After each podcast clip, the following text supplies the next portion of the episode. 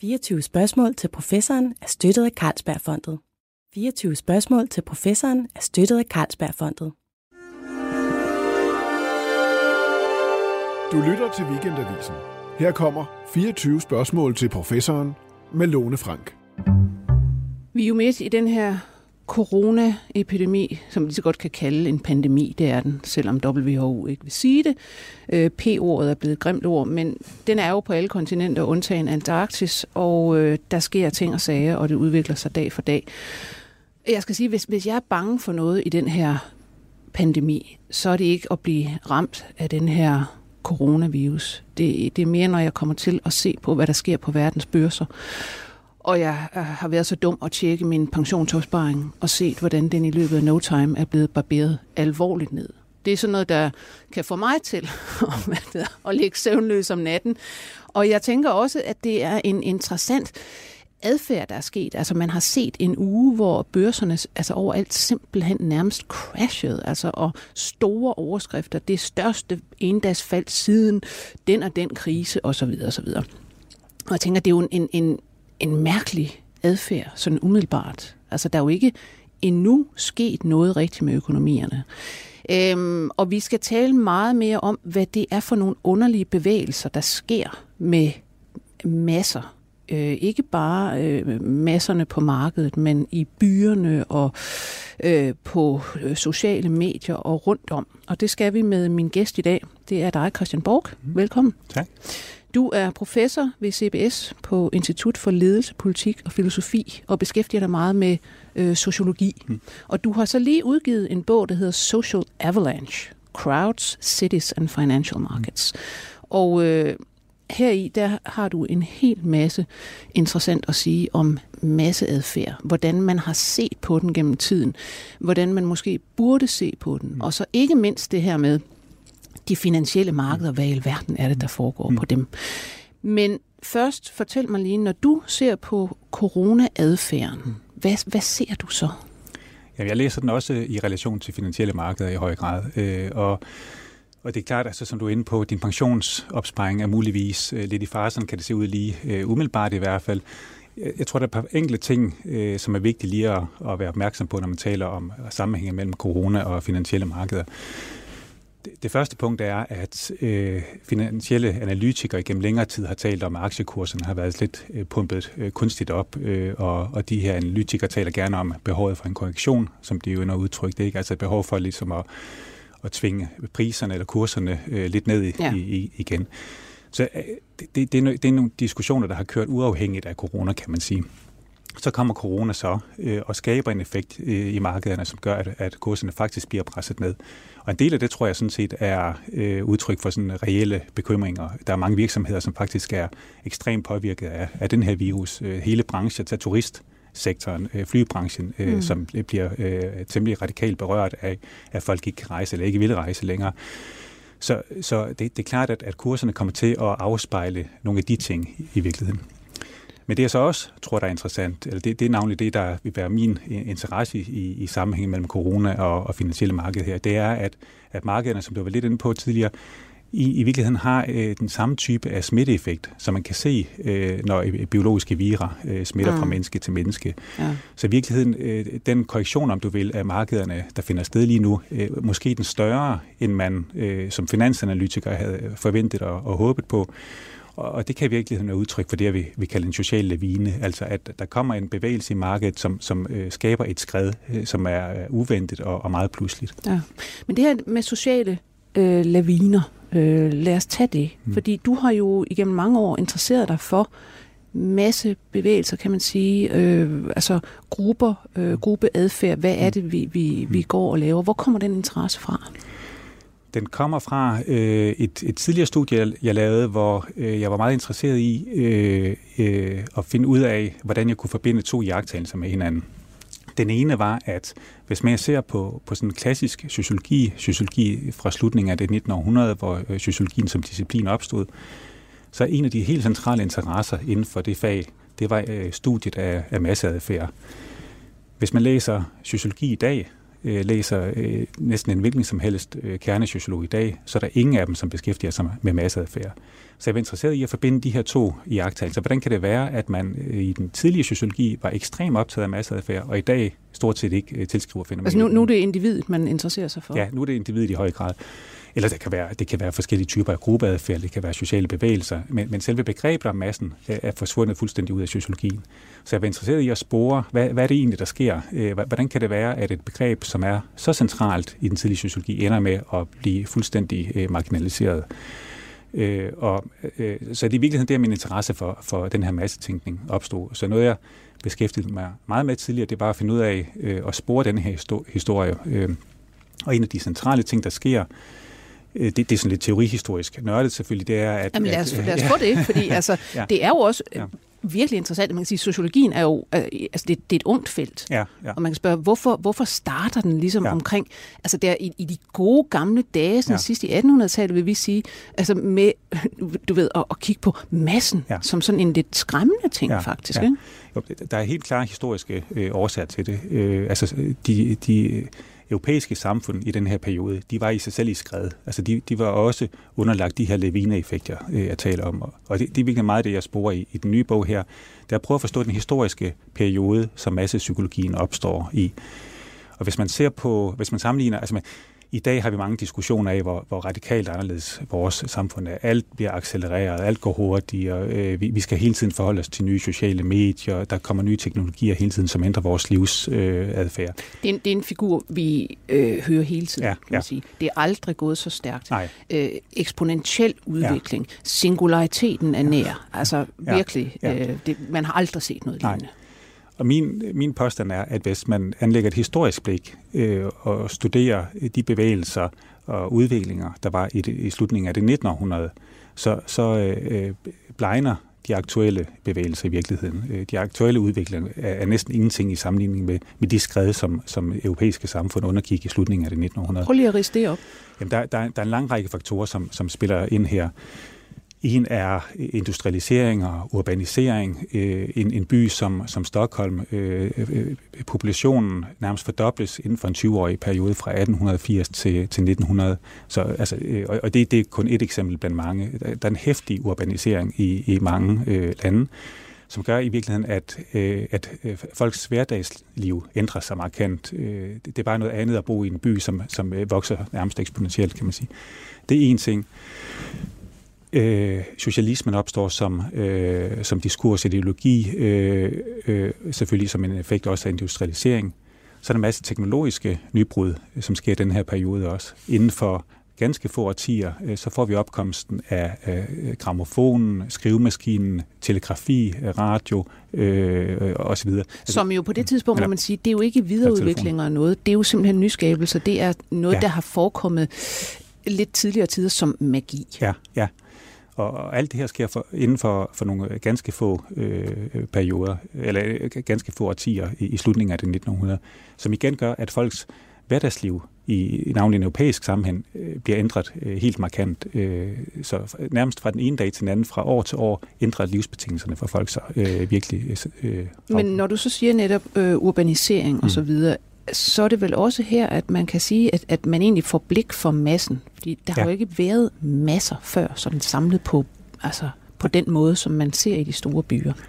Nej, altså man, kan sige, der har været bekymring for, for øh, masse øh, adfærd. Øh, det går helt tilbage til antikken, kan man sige. Men, men det er først i slutningen af det 19. århundrede, at man får en disciplin, som helliger sig studiet af masserne, nemlig massepsykologien.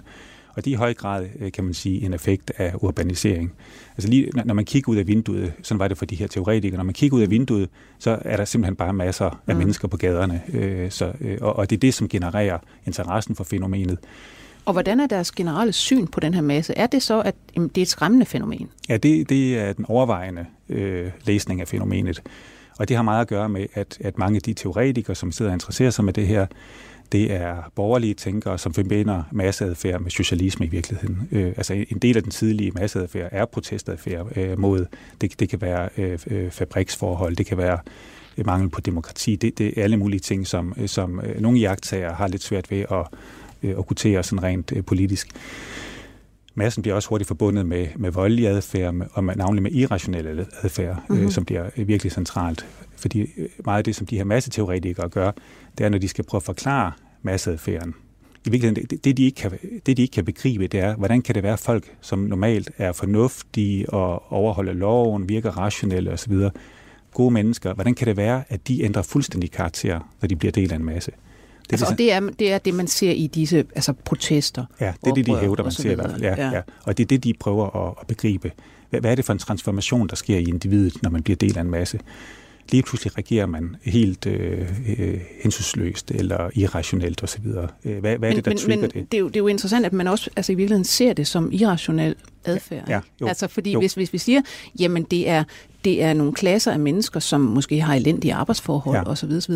Det, det tager man ligesom med, ikke med i betragtning. Ikke altså. på det her tidspunkt. Ikke på det her tidspunkt, nej. Det, det, det kommer så senere, og det er i virkeligheden der, hvor, hvor massebegrebet også glider ud af sociologien senere, fordi der kommer en stribe både historikere og øh, psykologer og sociologer, som siger, jamen vent en gang, det kan godt være, at de her folk ikke faktisk var irrationelle, øh, når de demonstrerede.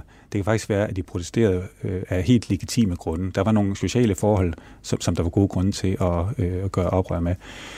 Så, så den vending, der sker, og, og det er navnlig sådan, øh, omkring slut 60'erne, 1970'erne, inden for sociologien i hvert fald, det er, at man begynder at, at betragte madsadfærd øh, på en helt ny måde. I stedet for at sige, at individet er irrationelt, når det bliver en del af en masse, så siger man, øh, jamen det kan faktisk være, at massen består af en masse individer, som forfølger rationelle mål. Øh, og det er derfor, de går sammen for at skabe en forandring i samfundet. Men lad os tage, øh, øh, før vi går tilbage til de ja. her øh, aktivistiske ja. sociologer, der senere ja. kommer tilbage på banen. Det her med, med altså det, det tidlige billede af mm. massen, og, og den, de teorier, der så opstår, altså den her massepsykologi, mm. hvor man siger, mennesket er egentlig rationelt. Mm. Øh, men når det så øh, kommer under indflydelse af, af massen, så sker der noget. Hvad, ja. hvad har man så af idéer og, og teorier om, hvad, hvad, hvad der sker? Det, det, de, de helt centrale øh, former for inspiration, man trækker inden for massepsykologien, dem henter man fra øh, fra psykoterapi i virkeligheden, som er, er virkelig hot i Frankrig her i slutningen mm. af, af det 19. århundrede. Der er læger, som, som øh, hævder, at de kan kurere patienter, navnlig hysterikere, øh, gennem hypnose og suggestion osv. Så, så, det er jo, altså, ja. bliver fat i Freuds lærermester Charcot ja, her. præcis. Yes. Ja, øh, Freud er, er, er rundt og, og observerer nogle af de her øh, læger, som, som udøver øh, øh, hypnose som, som en form for, for behandling efter sigende var, var Freud ikke selv den bedste øh, hypnotisør, og det var derfor, han udviklede, det, det, altså det er den onde læsning, kan man sige, det er derfor, han udviklede psykoanalysen for at finde en anden måde øh, at komme frem på. Men, men i hvert fald i slutningen af det 1900 er, er, er diskussionerne om, om, øh, om suggestion og hypnose, de er helt ekstremt centrale i, ja. i fransk øh, intellektuelt liv. De spreder sig langt ud over, kan man sige, et, et, kliniske diskussioner inden for psykoterapi. Og man må sige, på det her tidspunkt, der er Frankrig jo et altså intellektuelt hothouse, ja, ja. et hotspot, ikke? Ja, altså meget breder sig fra Frankrig. Ja. Øh, og Charcot, som, ja. som du siger, øh, er her på Salpêtrière ja. øh, hospitalet og har nogle, nogle kvinder, han ligesom sådan ja suggererer måske ja. får til at optræde, men ved ja. det ikke rigtigt. Nej, men nej. altså, han kan få dem til at gøre hvad som ja. helst. Ikke? Øh, man har også i, i, i Tyskland, mener Frans Mesmer, ja. eller er han østriger egentlig? Ja, det, det er så tidligere. Øh, det, det, det ligger et lille århundrede tidligere, men det er også, med mesmerismen. Altså, Jamen, ja, det, det er mange af de samme hypnose, idéer. Ja, altså, det med, at man kan få nogen under ja. sin indflydelse. Ja. Ja. Øhm, og altså, de masse psykologer, der så kommer til øh, og bruger det her som, øh, som inspiration, hvem er det? Typisk, og hvad, det, det, hvad siger de? Det, det er navnlig folk som øh, Gustave Le Bon i Frankrig, og en sociolog, der hedder Gabriel Tart, øh, som er øh, meget, meget centrale figurer. Øh, Le Bon er, er uddannet læge, skriver et hav af sådan mere populær øh, videnskabelig litteratur om alle mulige temaer. Han er efter sine sådan en relativt ekscentrisk type. Han hævder også på et tidspunkt, at det er i virkeligheden ham, som opfinder relativitetsteorien for Einstein. Og du ved, ja. han, han, er, han er sådan ja. en type. Men, men han skriver en bog i 1895, øh, som hedder Massernes psykologi, øh, som er sådan en helt central grundpille i, i den her massepsykologi. Ikke fordi det nødvendigvis er en super original bog, fordi på mange måder øh, sammenfatter den bare idéer, som allerede er i cirkulation, ja. men den bliver sådan øh, emblematisk, eller sådan, øh, den inkarnerer meget øh, den her øh, øh, tænkning, øh, og, og sætter meget sådan på, på fine begreber, hvad den her tænkning egentlig prøver at, øh, at opnå. Og for ham så er det meget et spørgsmål om at finde ud af, jamen for det første, hvordan opererer massen? Altså hvad, mm. hvad, hvad sker der, når man, når man er en del af masse? For det andet, hvordan kan vi forklare den adfærd? Og så for det tredje, er der nogle politiske teknologier, vi på en eller anden måde kan benytte os af, øh, hvis man skal undgå, at, at samfundet bliver løbet fuldstændig over inden Altså virkelig noget social engineering. Ja, ja, ja. Vil, ja. Vil så, så det, ja. Jeg kunne godt tænke mig at høre, hvad, hvad de så faktisk mener, der sker altså hos folk. Ja, Jamen, øh, det er her kobling til, til suggestionsteorien ligger i virkeligheden, fordi det, de hævder, det er, når man bliver del af en masse, så bliver man i virkeligheden forført eller hypnotiseret af mm. føreren. Så, så massetænkning, det er også i den her tidlige tænkning, det er altid bundet op på en førerfigur. Der er en fører, som ligesom driver massen, øh, som i kraft af, at øh, han, det er ofte en han i de her beskrivelser, gentager sine budskaber igen eller igen, øh, opnår en anden form for øh, hypnotisk effekt over masse individerne. Så det er i virkeligheden det, der sker, øh, og, og det leder folk til, som Gabriel Tart, som jeg omtalte før, han kom i virkeligheden øh, ud af kriminologi, øh, mm. så han, han har en stor interesse for øh, også tilregnelighed. Kan man holde folk tilregnelige for deres adfærd i en masse? Ja. Og det siger han, nej, det kan man faktisk ikke, fordi øh, de er jo underlagt øh, hypnosen her. Så de eneste, man kan holde ansvarlige, det er faktisk lederne eller førerne af, af massen. Så, så de her diskussioner, de, de, de, de spreder sig eller får alle mulige implikationer, øh, både juridisk og sociologisk osv. Det er jo også interessant, at man ser på, på mennesker som enheder, der egentlig altså, er rationelle. Det, mm. det vil vi jo i dag med, med alt det, vi ved om psykologi mm. og, og hvad, der hedder, hvad, hvad adfærdsøkonomien og så videre har vist sige, nej, nej, mennesket mm. er, er dybt ja. irrationelt ja. i mange, mange øh, hvad der hedder, øh, sammenhænge. Men at, at det så, trods sin rationalitet, ligesom sådan kan, kan slå det hele fra, ja. hvis det kommer under indflydelse. Ja. Altså det er jo, det er jo en altså, interessant måde at, at betragte mennesker på.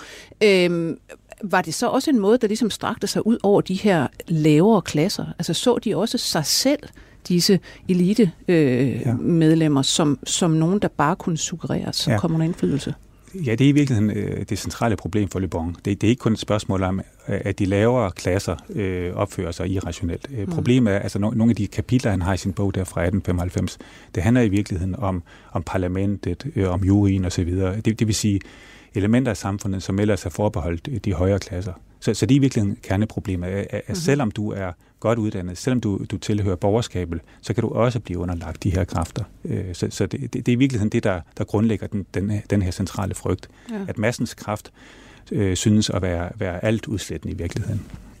Men hvad, hvad foreslår han så, at man kan gøre? Hvad, hvad, hvilke brillante metoder kan man øh, stille op imod det her? Ja, altså det, det er i, sig selv øh, interessant nok. Altså han har nogle, øh, nogle, nogle få øh, budskaber, som egentlig er, altså man, nogle læser ham lidt som en moderne Machiavelli, øh, mm. som giver råd til fyrsten. Øh, altså det, det gjorde Machiavelli øh, hos, hos øh, Le Bon, er det den moderne statsmand. Hvordan kan den moderne statsmand agere i forhold til masserne? Og noget af det, han foreslår, det er øh, at sige, jamen altså, eftersom masserne er irrationelle, jamen, det, det, det skal man ligesom tage bestik af, øh, mm. så man kan, man kan lære selv at hypnotisere dem. Og det er noget med blandt andet at komme med, med korte budskaber, gentage dem igen og igen, og så langsomt, så, så har det en hypnotiserende effekt på masserne. Det er sådan noget Make America Great Again, for eksempel. der, jeg vil sige, der, Eller der, der, Wir schaffen das. Ja, ja, der, yes, der, we can. Der, der er masser af, af, af, af bud på, hvordan man kan øh, kombinere det. Altså man, man kan sige, nogle, nogle centrale figur i det 20. århundrede, som i hvert fald nok var inspireret af, altså hvis man læser Hitlers Mein Kampf, mm. han har øh, øh, refleksioner over propaganda, øh, som, som er næsten kalkeret fra øh, Le Bons øh, værk. Ja. Øh, Mussolini var efter sine en meget øh, stor læser af, af Le Bon, kunne citere øh, lange passager fra øh, massernes psykologi, øh, sådan øh, ord, ord. Så, så han, han, han var meget inspireret. Jeg tror også, de havde en form for korrespondence, brevkorrespondence i virkeligheden. Hvad med bolsjevikerne? Der, der, der, der, er også, der er også folk, som, som, øh, som læser, jeg har navnet studeret folk i Tyskland, Rosa Luxemburg, de her, mm. øh, nogle af de her folk, altså som, som prøver at bruge Le Bon, øh, der er en, en helt syndikalistisk øh, bevægelse, Georges Sorel, som læser Le Bon også, øh, og, og hvor, hvor, hvor deres idé er i virkeligheden, så jamen, øh, Le Bon er interessant, fordi han peger på, at det moderne kapitalistiske samfund er ved at blive undergravet af masserne. Så deres læsning er ikke så meget en, en frygtsom læsning. Altså, mm. det, det her må vi undgå. Det nærmer, det hvordan kan vi skubbe på, ja. Øh, for at det her sker. Øh, så, så Sorel læser øh, Le Bon for at, øh, at skubbe på øh, den her udvikling i virkeligheden bruger massepsykologien, kan man sige, strategisk øh, på en anden måde, end, end Mussolini gør. Mm. Så den har i virkeligheden, altså Le Bon her og hans massepsykologi har sat nogle virkelig kraftige spor, må man sige, Ja, i, ja. i, i politik og tilgangen til politik i Ja. det 20. århundrede, og Ja. specielt i den del af det 20. århundrede, Ja. hvor vi i dag vil se tilbage og sige, huha, det Ja. var der, hvor det hele, alt det forfærdelige skete. Ja. Ikke? Jo. Men hvad sker der så med, øh, hvad det hedder, med, med masse øh, psykologien eller synet på massen senere? Nu siger du, at i 60'erne, der begynder det ligesom at vende. Ikke? Ja. Altså, der, der er kritikker sådan gennem hele øh, det tidlige 20. århundrede, kan man sige, af Le Bon. Altså, nogen synes, han er lidt for meget en charlatan, og, og at teorierne er ikke øh, særlig vendt øh, underbygget. Freud, som du nævnte selv tidligere, øh, leverer en stærk kritik også øh, af det her, men man bliver alligevel lidt fanget ind af det her spor. Men det, det, det, det, der, det der sker langsomt, og navnlig øh, fra slut 60'erne, det er, at en stribe amerikanske sociologer sætter sig for at, at gentænke fuldstændig øh, fra bunden, øh, hvad, hvad kollektiv adfærd eller, social, øh, eller øh, sociale gruppers dynamikker øh, er. Og hvorfor? Hvad er deres øh, spore til det? Jamen, øh, en del af, øh, af- sporene er, at, at de selv er aktivister i virkeligheden. Mm. De er en del af 68-oprøret og kan ikke genkende deres egen adfærd i Le Bons gamle kategorier. Øh, Så, så når de selv går på gaden i slutningen af 60'erne, så, så synes de ikke, at det, det mimer på, øh, på irrationalitet og øh, vold og, og så videre og så videre. Så, det, er jo så- kun, det er jo kun den reaktion, man kan forvente i et sygt samfund. ja. Eller noget i den retning. Ja, ikke? jo, jo. Så, så, så de, de, de er interesserede i at, at, at gentænke, hvad, hvad er egentlig øh, massen for en figur? Øh, og nogle af dem er, er meget bekymrede for, at selve massebegrebet øh, har forstærket konnotationer til Le Bon og hele den her tradition. Så de siger, jamen måske skal vi rydde øh, bordet fuldstændig og, og øh, øh, bruge nogle nye begreber, opfinde nogle nye begreber, som kan beskrive nogle af de samme dynamikker, men, men på en helt ny måde, sådan rent analytisk. Så det her i virkeligheden, at, at øh, teorier om sociale bevægelser tager form, øh, social movement studies, som det hedder Ja. øh, på engelsk, øh, tager form øh, på det her tidspunkt som en kritik af den tidlige massepsykologi. Og det, som er den centrale øh, analytiske figur inden for det, for, for det her begrebsapparat, det er at sige, jamen, i stedet for at masseindividerne er irrationelle, når de tager del i en masse, så er det netop præcis, som vi talte om tidligere, øh, det, det er rationelle folk, Mm. som, som forfølger øh, fornuftige øh, øh, mål, som snilt kan legitimeres. Det er derfor, de finder sammen. Øh, Altså man kender også en, en, en bog fra, hvad de seneste 20 år er den vel, der hedder The Wisdom of Crowds. Ja, ja. Det, det, det er også, en, en, det er også øh, det er et andet forsøg på at vende Le Bon på hovedet i virkeligheden. Ikke? Øh, at sige, at, at masserne er ikke irrationelle, de kan være fornuftige. Øh, Der, der ligger en masse god fornuft, når man, når man øh, bringer folk øh, sammen i virkeligheden. Men hvor skulle, den, hvor skulle den fornuft så egentlig komme fra? Hvad er, det, hvad er deres tænkning omkring det? Jamen, den er i virkeligheden meget individualistisk. Altså, den, den kommer fra individet. Øh, og det er også derfor, jeg... Det er en af grundene til, at jeg har prøvet at rehabilitere den gamle masseteori i den nye bog her. Øh, fordi øh, det, altså, social movement studies, eller teori om sociale bevægelser, de, de har ret i mange af deres kritikker af Le Bon. Altså, han var, der var en masse politisk øh, bias i hans tænkning. Han, han kunne virkelig ikke lide socialister, og, Mm. og, og det slog over i hans, øh, hans analyser. Mm. Øh, der, der er mange af hans, øh, hans begreber, som, som nok er temmelig uldne, kan man sige. Der, der er en masse problemer i hans tænkning. Men, men det, der afløste den med, med teori om social bevægelse, det, det, det, det lider af sine egne problemer. Øh, Og noget af det, man ikke får fat på, som Le Bon trods alt havde en idé om, det var, at der kan faktisk ske noget emergent, om man vil, der kan, øh, når, når folk bringes sammen i en, i en masse. Øh, det kan godt være, når Og det man... må du, det må Ja. du forklare. Ja, altså når man, det, det, som sagt, det, det som de her teorier om sociale bevægelser handler om, det er i virkeligheden, at enkeltindivider finder sammen og forfølger et fælles mål. Men når de finder sammen, så sker der ikke noget i deres øh, aggregerethed, om du vil, eller deres finde sammen. Der, der, der, der, der sker ikke noget ekstra andet, end de bare står hånd i hånd eller side om side. Mm. Le Bon havde fat i, at måske sker der faktisk noget. Øh, Det, det kan være, at man, man bliver grebet af stemningen. Ja. Øh, at der, der sker noget, noget radikalt nyt, noget som var uventet, øh, som bare sker øh, i øjeblikket. Det er meget, meget svært at begribe med, med den form for mere individualistisk tænkning, som, som teorien om Altså man, man kunne sige, at, at øh, hvis man som sociolog gik sammen med nogle, altså nogle biologer for Ja. eksempel, så ville de jo med det samme sige, øh, ja, eller nogle, nogle sådan cognitive scientists, øh, der selvfølgelig sker der noget, når man er, altså vi er, vi er et, et socialt væsen, øh, når vi er sammen i, Mm. i sociale sammenhænge, så kan man se, for eksempel når man undersøger, jamen folks hjerterytmer indstiller Mm. sig på Ja. hinanden, Mm. man begynder at, at gå i takt, om man Ja. så må sige, der sker simpelthen ting, som vi dårligt kan gøre rede for, men, men som, som altså opstår i Ja. det her med fællesskab. Ja, jo, jo. Men, men den sociologiske tænkning, øh, er den så stadigvæk, altså hvis vi tager sådan den, den, hvad skal man sige, den store mængde af sociologi mm. I dag, er den stadigvæk på den her wisdom of crowds og 60'er tænkning? øh, jeg ved ikke om den, altså, øh, man kan sige, hvis man ser på social, teorier om sociale bevægelser, så, så synes jeg stadigvæk en del af den øh, hænger i, i det her med, det, det er i virkeligheden sådan rationel individualistisk udgangspunkt, mm. man har. Det, det, det er det stadigvæk i meget af det. Der er også visse brud inden for, det, øh, for den disciplin, som gør, at nogle er begyndt at tale om betydning af følelser, for eksempel. Det, det kan godt være, at man faktisk bliver følelsesmæssigt grebet, når man er en del af en social bevægelse. Det kan være, at det faktisk er det, som driver en i, i, in the first place, i forhold til at, at deltage i en masse, at, at der er noget, noget social energi, øh, som man ønsker at blive en del af, snarere end at forfølge et, et politisk øh, formål. Altså jeg synes jo i virkeligheden, altså nu du siger det der, det er jo lige præcis sådan, som almindelige lægmænd mm-hmm. taler om det. ja, ikke? Jo, jo, altså det er jo, jo lige præcis ja. sådan, som vi alle sammen taler ja. om. Åh, jeg vil gerne, vi søger jo fællesskab, ja. fordi det er jo enormt dejligt at være medlem af. Ja. Og sådan noget. Det er jo også ja. sådan, politikere tænker ja. og taler, vi skal have mere fællesskab, ja. fordi det simpelthen, det skaber bare altså, ja. sammenhængskraft. Og ja, ja, vi har det bedst, når ja. vi er i fællesskaber. Mm. Man snakker om ensomhed som en mm. kæmpe, et ja. kæmpe sundhedsproblem, og jeg ja. ved ikke hvad. Det er sjovt, at, at det, hvad skal man sige, den almindelige tænkning er så langt fra sociologisk teoridannelse egentlig. Ja, men, men, men pointen er selvfølgelig øh, i bogen her, at, at der er lommer af sociologisk mm. tænkning, som, som understreger betydningen af de her fællesskaber, at, ja. at, at, at ofte kan det være det, der, der er det centrale i virkeligheden, øh, når folk finder sammen. Er det sådan en form for, kan man sige, nærmest biosociologi, det begynder at, at, at vokse frem?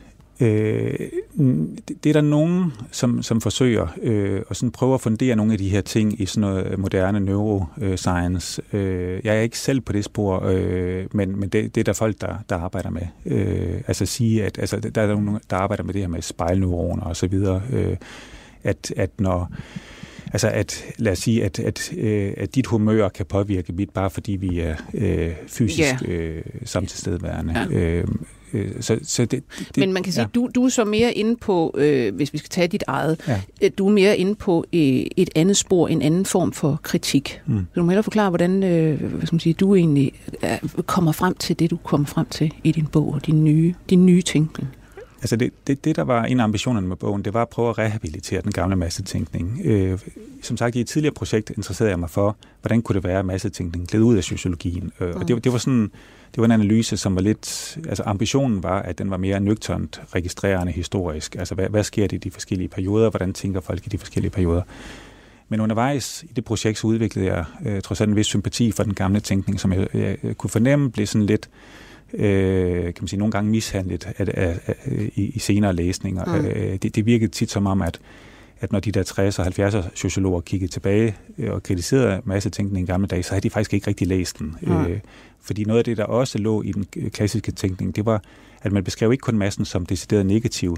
Der var en del beskrivelser af, at massen faktisk også havde positive øh, aspekter. Øh, at at der, var, der var positive former for socialitet, som man vil sige som, som sociolog, i de her masser. Så, så i virkeligheden det, jeg har prøvet at, at vise med den nye bog, det er, at øh, dels at massetænkning opstår i den her periode af, af brud og, øh, og sociale laviner. Massen bliver sådan øh, inkarnationen af, af nogle af de der samfundsmæssige brud, der sker. Det er derfor, interessen samler sig om massen. Og så er der noget interessant øh, i, i den klassiske massetænkning, som faktisk også er aktuelt relevant i dag, i forhold til at forstå, hvordan kollektivitet øh, øh, ja, udspiller sig. Jamen, øh, når du siger sociale laviner, hmm. så lad os få nogle gode eksempler på, hvor, hvor, hvor ser du dem for eksempel? Altså noget, noget af det, jeg øh, øh, ser på i bogen, det er, hvordan for eksempel de gamle massesociologer selv øh, tematiserede øh, laviner. Altså som massen kan, kan man begribe som en, en, en form for social lavine. Altså, øh, og pointen er med en lavine, det er noget, jeg henter øh, hos den danske øh, fysiker Per Bak. Han har sådan en teoridannelse om såkaldt selvorganiseret kritikalitet, og noget af det, han bruger som som model for det er, er, er sådan en, en sandkornsmodel, altså hvor man mm. skal forestille sig, at man har et fladt bord, så hælder man sand på bordet, og så langsomt opstår der nogle små øh, toppe, toppe af, af sand, og så lige pludselig kan en af de her toppe komme i skred bare ved tilførelsen af et enkelt sandskorn. Og, og, og det beskriver han som, som en form for lavine. Og det er virkelig den her dynamik, som de gamle massetænkere også beskrev øh, øh, masserne som. Altså at ja der, der er en, en gruppe af mennesker, de finder sammen en for en, der sker måske ikke noget radikalt, øh, men lige pludselig sker der noget, øh, mm. som, som ændrer dynamikken fuldstændig. Øh, det er det, det skred, som de øh, bruger også Levine-begrebet til at forstå. Og så går man måske ud og går mod Christiansborg, eller man ja. øh, laver den, den et nyt parti, ja. eller hvad det nu kan være. Det, det kan være hvad som helst. Det, det kan være gode ting, det kan være dårlige ting, det kan være øh, hvad som helst. Øh, men, men selve dynamikken øh, udtrykker en form for, kan man sige, øh, lavinedannelse. Mm. Og noget af det, jeg sporer i bogen, det er for eksempel, hvordan øh, klassisk øh, bytænkning er meget optaget af de her ting. Altså byen bliver sådan ligesom et, et arnested for de her sociale leviner. Øh, sådan meget apropos corona, så var en af de bekymringer, man havde i slutningen af det 1900, det var, at at øh, byen, øh, altså byen bringer en masse folk fysisk sammen. Mm. Det gør, at, biologisk smitte nemt spredes i byen. Men det gør også, at social smitte øh, spredes meget nemt. Ja. Så man, man var meget interesseret i den her kobling mellem det biologiske, øh, den biologiske smitte, bruge det som metafor eller, eller model for at forstå social smitte i virkeligheden. Og det, og det, det, øh, det udmyndte sig i alle mulige tiltag, også blandt arkitekter og byplanlæggere, i forhold til, hvordan man kunne øh, designe byer på måder, hvor den her sociale smitte blev minimeret så meget som muligt. Der var en interessant arkitekt, Le Corbusier, ja, som vi alle sammen ja. tænker på, øh, og, og så, så tænker vi stole, dejlige lækre ja, ja, stole, ja. vi eventuelt ikke har råd til. Ja, ja. Men, men han havde også nogle ret uhyggelige arkitektoniske han, idéer. Han havde en, en anden side også, altså som, øh, som er hans byplanlægningsside, øh, meget radikale, radikale idéer for, hvordan byer, moderne byer kunne øh, designes, øh, planlægges, sådan, så man undgik den her form for, for ubehagelig øh, smitte, som han så den. Og det handlede meget om at skabe øh, klare visuelle linjer i byerne, klare opdelinger øh, osv. Så, så han, han leverer sådan et, et meget stærkt program for, hvordan man kan øh, gentænke byen rent planmæssigt. Det er virkelig sådan nogle hvide helveder. Ja, ja, ja. For det meste, ja, ikke? Ja, altså jo. Det. ja, det er rigtigt. Øh, ja. Øh, som så ikke rigtig blev til noget. Det, ja, det er rigtigt. Men, men man kan sige, det kan godt være meget, at det ikke sådan faktisk blev bygget, øh, ikke, ikke på byplanmæssigt øh, niveau i hvert fald, men alligevel de der idéer, øh, vil jeg hævde, de har haft en, en temmelig central indflydelse øh, på, hvordan ja. øh, planlæggere har tænkt også sidenhen. Men noget interessant med hensyn til, nu så man så før byen som mm det her massen ligesom kan komme sammen, og der kan ske eventuelt noget godt, der kan virkelig mm. også ske noget slemt. Ikke? Og her, her opstår de her laviner, som man ikke rigtig kan beregne mm. og, og, og mm. finde ud af, hvad, hvad, hvad kommer til at betyde.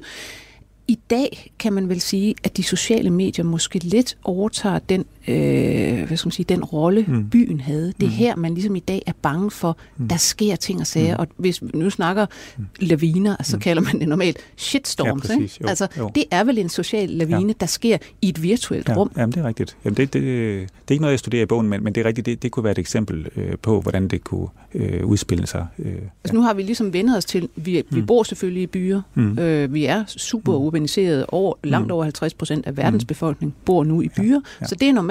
Ja. De sociale medier er lidt nyere, ja. så nu er det dem, ja. vi er skræmt af, og det der massen ja. udfolder sig. Ja. Ja.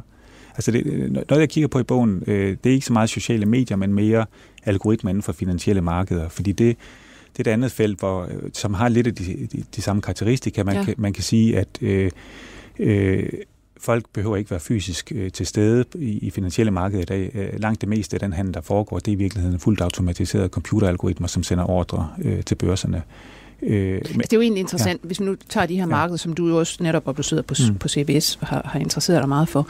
Altså, man forestiller sig jo stadigvæk, at jamen, de fleste handler er vel sådan noget, der foregår ved, at jamen, det kan være, at, at jeg ringer til min bank og siger, mm. hvad skal jeg dog gøre nu, der kun så så mange år til min mm. pension mm. øh, skal udbetales? Skal jeg lægge den om? Skal jeg have en mindre risiko? Mm. Skal vi gå ud af det der og ind i det der, eller hvad? Mm. Og så siger man, køb eller sælg, mm. og så går de hen og gør det. Mm. Men hvordan foregår det egentlig altså på de her altså, verdensomspændende markeder? De, de ordre, som, som sådan nogle som os to nok vi sende til markedet, som er ret øh, små ordre i det mm. store billede, øh, de, de vil nok ende med sandsynligvis at, at blive øh, programmeret ind i en computer, og så lægger den en, en ordre i markedet øh, på et tidspunkt, når, når det er øh, bedst muligt for banken i virkeligheden. Så, så det, det, det er meget, altså banker i dag herhjemme, øh, det er kun meget store ordre, som de vil have en, en person til at håndtere. Øh, langt det meste, øh, det, er, det er fuldt automatiseret. Så vi kommer egentlig bare ind i en eller anden kø, et Excel-ark et sted? Ja, altså man, man kan sige, at noget af det tager banken nok internt. Det når aldrig øh, til markedet givetvis. Altså det, der matcher de bare de... Øh, altså hvis Kun du vil købe noget... Ja, ja, præcis. Øh, men, men øh, hvis man ser sådan mere globalt på det, så kan man sige, at der er masser af firmaer, som er specialiseret i at, at spekulere, om du vil, øh, på finansielle markeder, som sender tusindvis af ordre, millioner af ordre, øh, eller kan gøre det i hvert fald om dagen, øh, til de her markeder. Øh, og og det, det er fuldt automatiseret alt det her. Så det der, Men ja. så vil man vel også altså, øh, sige, jamen herligt, så har vi, altså, vi har nogle algoritmer til at gøre det her, øh, frem for nogle hysteriske kællinger, Ja, ja, ja. som man plejer at sige Ja. på børsen. Ikke? Altså, der, der er nogle øh, fuldt rationelle, Mm. øh, veldesignede Mm. øh, algoritmer, der gør Ja, det her. ja. Men sådan er det jo så ikke. Nej, altså det, det er et af rationalerne bag det selvfølgelig, at man gerne vil væk fra, at, at øh, når, når der er individer eller mennesker på, øh, på færre, jamen så kan de jo netop blive grebet af stemningen. Der er masser af historie i, i historien om, øh, hvordan det er sket, ikke? At, at hvis du hvis du som, som øh, børshandler øh, måske oplever, at du, øh, du får nogle tab i løbet af dagen, så kan det være, at du spekulerer og bliver ekstra øh, risikabel i, i dine ja. bets øh, senere på dagen, sådan ligesom for at opveje det. Mm. Mm. Så, så meget, meget, meget sådan træning af, af, af børshandler handler i virkeligheden om at disciplinere sig selv øh, og få- rettet ud på nogle af de der irrationaliteter. Man har Øh, faktisk også man har lavet en del studier øh, af sådan nogle forskellige øh, børshandlere og set på, hvem det er, der egentlig er bedst i, i længden. Og Mm. det er det, dem, der har færrest følelsesmæssige Ja, ja, udsving, ja. simpelthen. Så, men, i hvert fald en af, en af rationalerne bag, bag den øh, computerbaserede handel, det er netop at prøve at undgå nogle af de her øh, fænomener. Sådan skrive mennesket ud af ligningen i virkeligheden og sige, mm. jamen, men, eller hvad hedder det, computer og computeralgoritmer er, er meget bedre til at overholde de ordre, de får. Øh, altså, de, de, de, de har ikke følelser involveret. De, de, de begynder ikke lige pludselig at agere irrationelt. Det, det er i hvert fald en af grundidéerne bag den her form for, for handel. Men det man så ser, øh, også inden for computerbaserede markeder, det er, at selv de her algoritmer kan faktisk nogle gange gå amok. Øh, og, og vi nærmer os nu 10-året her til maj for øh, det, det største øh, eksempel på det, øh, et såkaldt øh, flash crash, der mm. fandt sted i USA i, i maj 2010. Øh, og, og det, der skete, det var, at, at algoritmer interagerede med hinanden og, og pressede priserne øh, ekstremt hæftigt ned. Altså det, I løbet af no time. no time. Det, det, altså, inden for en halv time, så mistede øh, markedet værdi på, på noget, der mindede om en trillion øh, dollars, tror jeg det er. Øh, og, og størstedelen af det øh, øh, fald, det fandt sted inden for fem minutter. Så, så det gik øh, lynhurtigt i virkeligheden. Øh, så, så suspenderede man handlen, og så rettede markedet sig øh, også lynhurtigt op igen, også på grund af de her computeralgoritmer. Men det, der var centralt i, hver, i hvert fald, det var, at der var ingen mennesker rigtig involveret i det her. Mm. Selve, selve crashet var genereret af, af computeralgoritmer.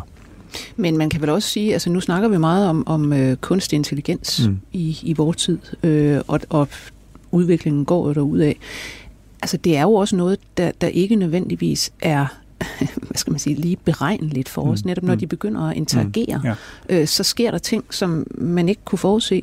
Ja. Øh, men siger du, at det ligefrem altså begynder at ligne, at de her ellers rationale og velprogrammerede algoritmer på markedet, de begynder at ligne hysteriske gællinger? Mm-hmm.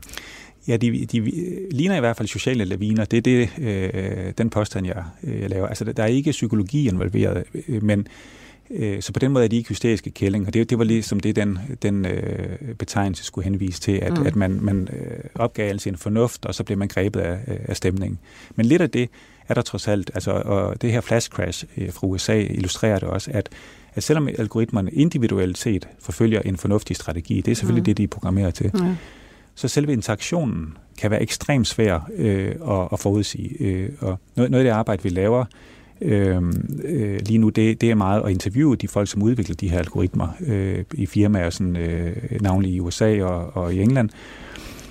Og når man taler med de programmører og, og traders, som udvikler de her fuldt automatiserede algoritmer, så siger de ofte, at vi har særlige idéer om, hvad algoritmen skal gøre, hvad den faktisk gør, når den, når den begynder at interagere med nogle andre. Det, det er en lidt anden sag, og det, det har de Mhm. faktisk ikke rigtig tjek på, øh, eller ofte har de ikke fuld tjek på det.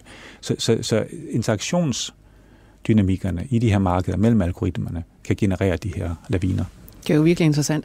Altså, øh, nu tænker jeg på, kunne man også, øh, det er der formentlig nogen, der sidder og gør, øh, altså forske i, hvad er det for nogle interessante algoritmer, der gør sig gældende på nettet, altså og på netop sociale medier. Mm. Fordi jeg kunne forestille mig, igen hvis vi går mm. Tilbage til, i byerne mm. Øh, i sin tid, altså Le Corbusier mm. Og andre ville egentlig gerne øh, indrette byer, så der ikke foregik de her laviner, uberegnelige ting og sager. Øhm, Og nu vil man vel også gerne væk fra netop, at for eksempel algoritmer er med til at sprede fake news ja. alt for meget, ja. og så videre og så videre. Så, så det er ligesom, altså der må også sidde frygtelig mange og tænke over, hvad, hvad, hvad, hvad gør vi ja. her? Skal ja. vi lave, hvordan laver vi social engineering ja, ja. ved hjælp af algoritmer ja, på, jamen, på nettet? Rigtigt. Ja, det er rigtigt. Altså det, øh, det er jeg sikker på, at der er folk, som, som sidder og arbejder med. Øh, det er ikke i mit eget felt lige med, med sociale medier, øh, men, men det er der, hvor der er et overlap, kan man sige, til det, jeg laver. Øh, grunden til, at jeg synes, at finansielle algoritmer er, er virkelig interessante, det er, at at øh, når sociologer typisk studerer algoritmer, så er det meget, øh, hvordan mennesket interagerer med en algoritme. Altså, hvordan interagerer jeg med min smartphone eller en, en computer? Hvordan forholder jeg mig til de newsfeeds, der kommer op? Ja. Det, det, det, er, det, er super relevant, øh, men, men øh, på finansielle markeder har man øh, en interaktion, ikke så meget mellem mennesker og algoritme, men mellem algoritmerne. Øh, så så det, er en, det er en mere radikaliseret øh, form for interaktion, man har, har med at gøre der.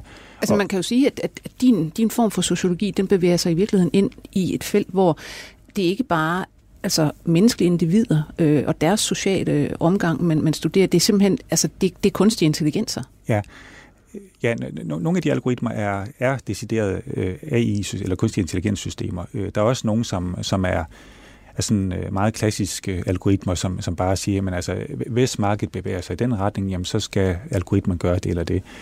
Øh, men, men, men, men øh, præcis som du er inde på, det, det, det, det som egentlig er ambitionen her, det er at prøve at sige, jamen, noget af det, den interaktion, som faktisk foregår mellem de her ikke-menneskelige algoritmer, den, den antager næsten sociale former, eller former, mm. som vi genkender fra den klassiske øh, sociologi.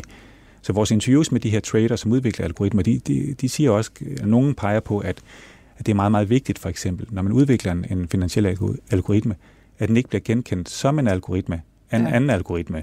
Fordi hvis du kan øh, hvis, hvis, hvis, hvis min algoritme kan se, at du har en algoritme, der er i gang, jamen, så mm. kan jeg mm. begynde at læse dens spor og dens bevægelser, og så handle ja. imod den. Så de foretager sig øh, ting for, for ligesom at, at maskere af ja. de algoritmer. Øh, det kan være noget med at lægge sådan randomiserede ordre, tilfældige ordre, ud over det, som de gerne vil. De chopper eller sådan, øh, skærer deres ordre op, sådan, så, det, så de falder på sådan irregulære tidspunkter. De laver alle mulige tricks i virkeligheden for at maskere øh, deres egentlige strategier. Og meget af det er noget, som man kender fra sådan klassisk bysociologi. Øh, der er sådan en berømt sociolog, Øving Goffman, som skrev om, om øh, folks adfærd i, i det offentlige rum. Øh, han har helt fascinerende analyser af, for eksempel, altså, hvad, hvad, hvad gør man, når man står i en elevator, når man tager en elevator? Øh, hvor, hvor kigger man hen? Øh, mm. det, det, er, det er ikke særlig... Øh, venlig, der står og, og stiger for meget på andre folk, så blikket Typisk bevæger sig opad i loftet. Ikke? Og sådan, ned ja. på fødderne, ja. hen på knapperne. Han, han har i hvert fald alle mulige øh, virkelig interessante analyser af både akavede situationer og knap så akavede situationer i det offentlige rum, som handler meget om, at, at man, man, man præsenterer sig på en særlig måde i det offentlige rum, øh, som egentlig afviger fra den øh, person, man måske rigtig er. Mm. Og det er meget det, vi kan genkende med de her algoritmer, at de præsenterer sig selv i det offentlige rum, som så er børserne, øh, på, på en lidt anden måde, end, end den underliggende, det, de ja, end det de egentlig er, eller det de forsøger, ja. Det er jo helt, det er jo helt mm. fantastisk. Det her. Ja, det er fantastisk, altså, ja. ja. og dem, der sidder og mm. programmerer de her, altså mm. det må, øh, hvor, hvor henter man egentlig dem fra? At det, det, det, det lyder næsten som om, de også kunne være altså psykologiuddannet? Øh, ja, altså det, der er mange af dem, som har phd grader i fysik og computer science, øh, matematik. Øh, det er meget det, de, der de kommer fra. Men de øh, skal vel egentlig altså, tilegne sig en del øh, altså, psykologi, sociologi eventuelt, for virkelig at lave nogle smarte, snedige algoritmer? Ja, det, altså, jeg tror ikke, vi har mødt så mange, som er øh, har sådan en psykologisk øh, baggrund, eller psykologibaggrund faktisk. Men, men, men det, altså, som man kan sige, på, på et niveau er det måske sådan nogle lomme, øh, psykologer, øh, eller lommesociologer øh, i, i forhold til de strategier, de, de udvikler. Men, men, øh, men det er helt klart øh, på færre, det her i hvert fald. Hvor kan du se det her øh, felt gå hen? Altså, hvad, hvad, hvad bevæger du dig ind i selv? Fremover? Det, det vi sidder med lige nu, det, det er i virkeligheden meget med kunstig intelligens. Altså øh, virksomheder, som, som bruger en ny type af algoritmer, hvor øh, altså de, de seneste 20 år, hvor, hvor den her algoritme øh, han, er eksploderet, der er det meget handlet om, at der har siddet et menneske, som har udtænkt en strategi, og så er øh, strategien implementeret af computeralgoritmen. Men med øh, opkomsten af maskinlæring og kunstig intelligens og deep learning og hvad det ellers hedder, der, der er det virksomheder, som specialiserer sig i, at øh, de, de fodrer deres algoritmer med en masse data, og så er det i virkeligheden øh, algoritmen selv, som skal udvikle strategierne øh, for at handle. Så det er ikke, der, der er ikke længere et menneske bag, som skal ligesom øh, konceptualisere en, en strategi. Det, det er op til computeren selv. det, det er jeg rigtig optaget af, øh, at, at prøve at forstå, øh, øh hvad, hvad for nogle effekter det har. Øh, fordi det betyder meget, ikke så meget måske i forhold til sociale leviner, men det kunne det også gøre øh, i den forstand, at, at øh, når man har at gøre med de her meget øh, komplekse neurale netværk, som de her algoritmer er bygget på, så er det ofte svært at vide, hvad der egentlig foregår øh, inde i den her black box algoritme. Mm. Øh, og, og hvis du er en, en bank i hvert fald, og skal investere penge øh, på vejen af nogle øh, øh, kunder, så vil du måske gerne kunne fortælle dem, hvad der faktisk, hvad din algoritme øh, lægger til grund for sine øh, beslutninger. Så der er en del, som arbejder med, med såkaldt explainable AI, altså øh, forsøg mm. på at, at forstå, hvad de her kunstige intelligens-algoritmer faktisk arbejder med. Så det, ja. så det er noget, vi sidder og, og kigger på lige nu, øh, hvordan man kan udvikle en form for sociologisk forståelse af, af de her algoritmer i virkeligheden. Sådan her til sidst. Øh, hvis jeg stadigvæk ligger øh, vågen over min pensionsopsparing og min mm-hmm. fremtid osv., øh, skulle man i virkeligheden bare droppe alt det der med private bankers osv., osv., fordi de, altså, de siger jo, de tænker for en. Det gør de vel egentlig ikke. Altså, det lyder som om, man kunne lige så godt bare henvende sig til en algoritme et sted? Altså mange steder er det algoritmer, som, øh, øh, som øh, kører showet, og øh, der er en hel del undersøgelser, som viser, at, at det her med stock pickers, som det hedder, altså der sidder nogle individer og, og vælger nogle specifikke aktier, som de gerne vil investere i, mm. De klarer sig relativt dårligt i forhold til øh, algoritmer, som bare følger markedsudviklingen generelt. Øh, så så jeg, jeg er sikker på, at din pensionskasse, den har nok en blanding af, af både øh, mennesker og, og computer. Måske er det i virkeligheden også den bedste kombination, man kan have. Jamen, så siger jeg tak. Christian Borg. Tak, fordi du kom. Ja, tak, fordi jeg måtte komme. Professor ved CBS, Institut for Ledelse, Politik og Filosofi. Vi var igen produceret af Birgit Nissen. Jeg hedder Lone Frank. På genhør. 24 spørgsmål til professoren er støttet af Carlsbergfondet.